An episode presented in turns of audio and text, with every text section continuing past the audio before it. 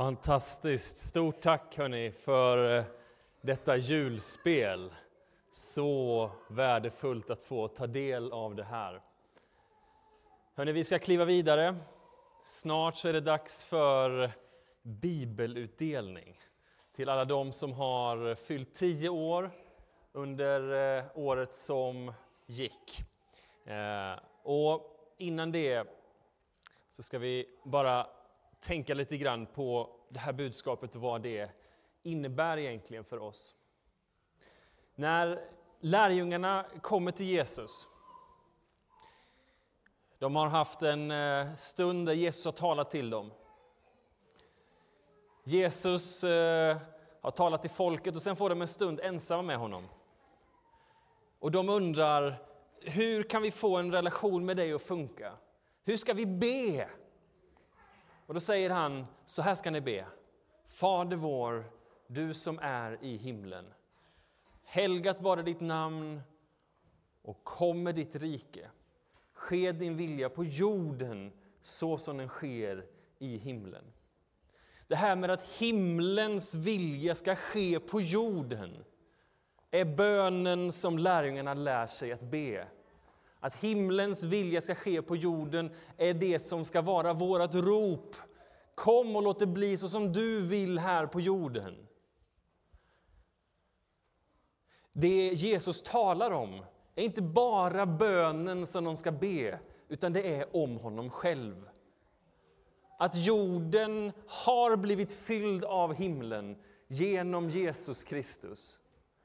Vart är himmelriket? Jesus säger himmelriket är mitt ibland er och han menar det är jag själv som är svaret.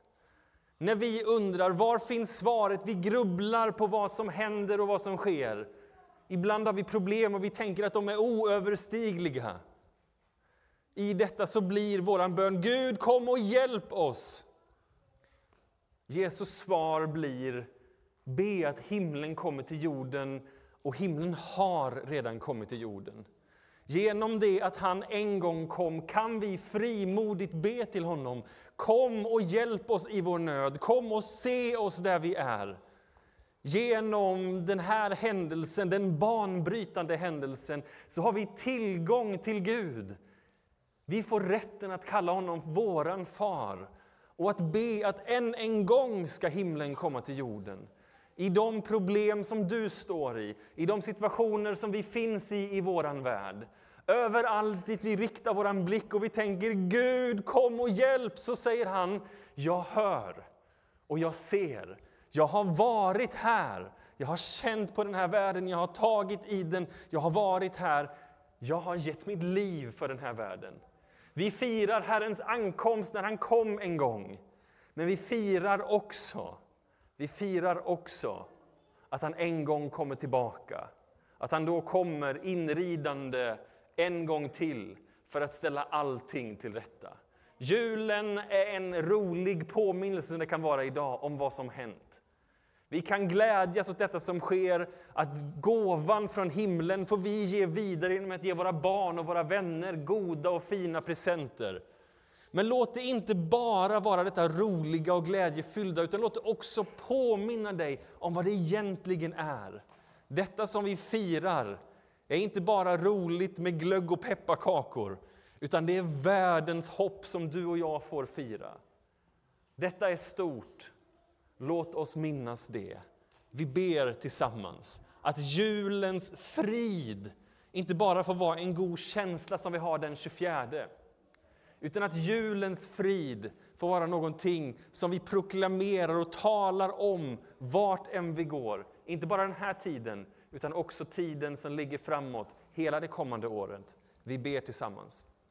Herre Jesus Kristus, vi tackar dig för jul. För julefrid, för att du kom till oss. Du sänkte himlen över jorden. Du är svaret på de böner som vi har bett. Och Herre, när vi kommer till dig nu så ser du de situationer som vi står i.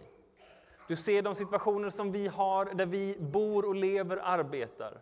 Du ser ett land som har varit ganska sargat och skadat det året som ligger bakom. Du ser en värld där det är mer konflikter än på länge. Herre, vi ber dig, kom med din frid. Sänk din himmel över den här jorden. Vi ropar till dig, kom med julefrid, kom med din seger och låt ditt ord få vara närvarande överallt i de här tillfällena när vi ropar till dig. I ditt namn. Amen.